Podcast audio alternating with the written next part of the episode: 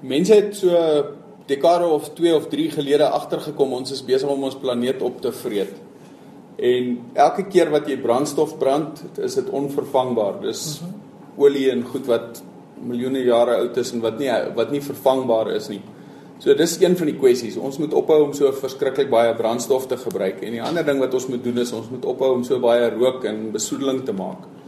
So omdat 'n vliegtyg daar bo vlieg, uh kom die besoedeling oor die algemeen nie af grond toe nie, maar dit besoedel 'n deel van die atmosfeer en die ionosfeer wat nogal kritiek is vir ons welsyn.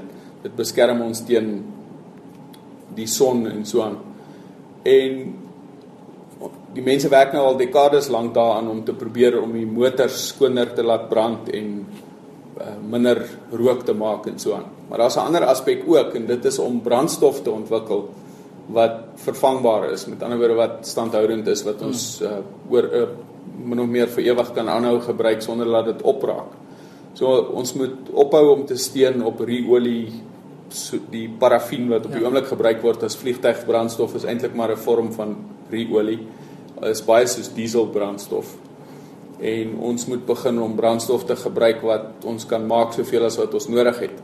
So daar is nou al brandstof wat eksperimenteel gemaak word van suikerriet en van mielies en van allerlei ander plantmateriaal. En as ons dit kan regkry om al die vliegtye daarop te laat vlieg en om dit baie skoon te laat brand, dan gaan ons minder besoedeling veroorsaak en ons gaan ook minder van ons onvervangbare ruolie opgebruik. Die probleem is dat om al hierdie plante gekweek te kry om brandstof te maak, gaan begin meeding met mense se kos. Mm. So mense sal bietjie versigtig moet wees met die hele storie want as die mielieprys nou begin klim as gevolg van die brandstofprys en die feit dat hulle mielies wil gebruik om brandstof te maak, dan gaan dit al hoe moeiliker word om kos te koop. So daar is 'n baie fyn balans wat 'n mens sal moet vind, maar in beginsel kan 'n mens in die toekoms sien dat vliegtye vlieg op plantmateriaal en op brandstof wat gemaak word uit plantmateriaal. En as ons kyk nou na sonkrag byvoorbeeld, kan dit gebeur dat vliegtye hierdie tipe krag gebruik of is dit net nie genoeg nie? Op die oomblik is ons 'n bietjie op die agtervoet. Die batterye is nog 'n bietjie swaar en so aan.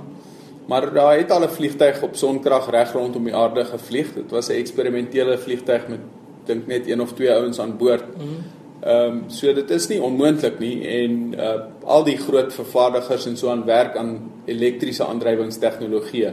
So daar is al ligte vliegtye wat vlieg met elektriese motors en met um, wires eerder as straalmotors. Mm.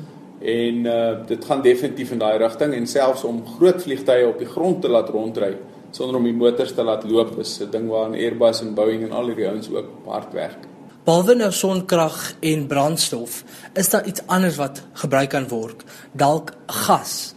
Mense het al gekyk daarna om waterstof te gebruik as vliegtuigbrandstof. Dit brand baie skoon, maar dit kos ook energie om waterstof te vervaardig aan die een kant en aan die ander kant is dit moeiliker om te stoor in die vliegtuig. Mm.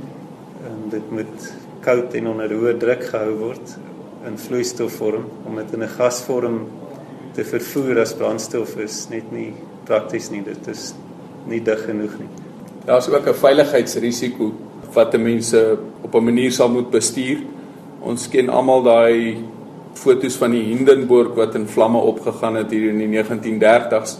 En dit was as gevolg van waterstof. So mense sal baie mooi moet dink oor hoe om die vliegtuig so te maak dat as hy 'n ligte stampie kry dat hy nie in vlamme opgaan nie.